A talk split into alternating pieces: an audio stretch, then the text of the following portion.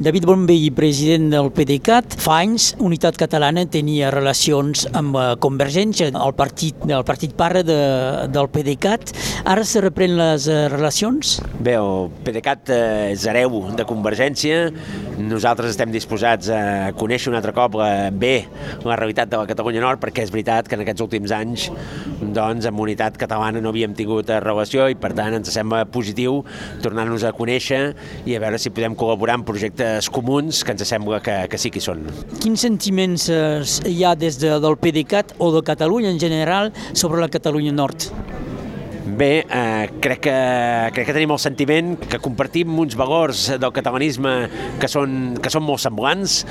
crec que fins i tot tenim uns valors de manera de fer de la gent, de, del treball, de l'esforç, eh, també de la manera de fer política, pel que coneixem de càrrecs i regidors aquí, bastant semblants eh, amb, el, amb els que som del sud i els que sou del nord, i per tant nosaltres total respecte i, i ens sembla que si nosaltres aconseguim ser un estat independent, doncs eh, podem, podem ajudar també a la Catalunya Nord perquè les condicions aquí també millorin. El PDeCAT a Catalunya té uns 400 alcaldes, tot i així a les últimes eleccions ha perdut una mica, o ha guanyat, però en tot cas l'altre partit catalanista principal de Catalunya us passa davant, per, per dir-ho clarament, Esquerra Republicana de Catalunya. Com s'explica? Bé, s'explica que el procés, el procés independentista doncs, ha fet que el nostre partit sempre hagi apostat per unitat, sempre hagi apostat per unitat independentista. Nosaltres vam,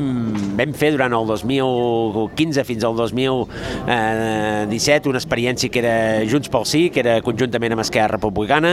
i sempre hem apostat per la transversalitat i unitat. I hem deixat doncs, de reivindicar la nostra part de partit, el nostre partit, eh, amb si mateixa, i per tant sempre hem intentat ficar el país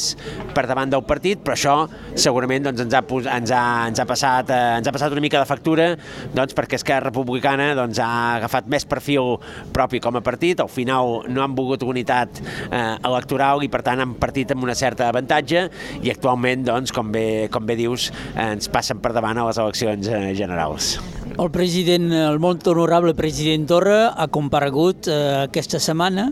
Eh, era la bona estratègia de, de no defensar-se, sinó d'acusar l'estat espanyol? Sí, era evident que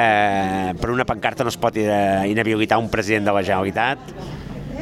i davant d'una inhabilitació que ve d'una junta electoral que és un òrgan eh, inferior rang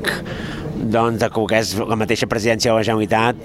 crec que aquest judici és totalment, és totalment fora de lloc, aquest judici no es basa en unes lleis eh, democràtiques d'un país eh, doncs, on la justícia hauria de ser de primer nivell i per tant crec que l'actitud del president Torra de defensar-se però també de dir amb aquest estat no i no tot s'hi vau, crec que va ser la correcta. Quina seria l'estratègia per arribar finalment a una república catalana. És que creieu realment a la, les institucions europeus que de, de, semblaria que han, que han mirat eh, de costat? Sí, però amb la situació actual crec que part de que hem de ser més catalans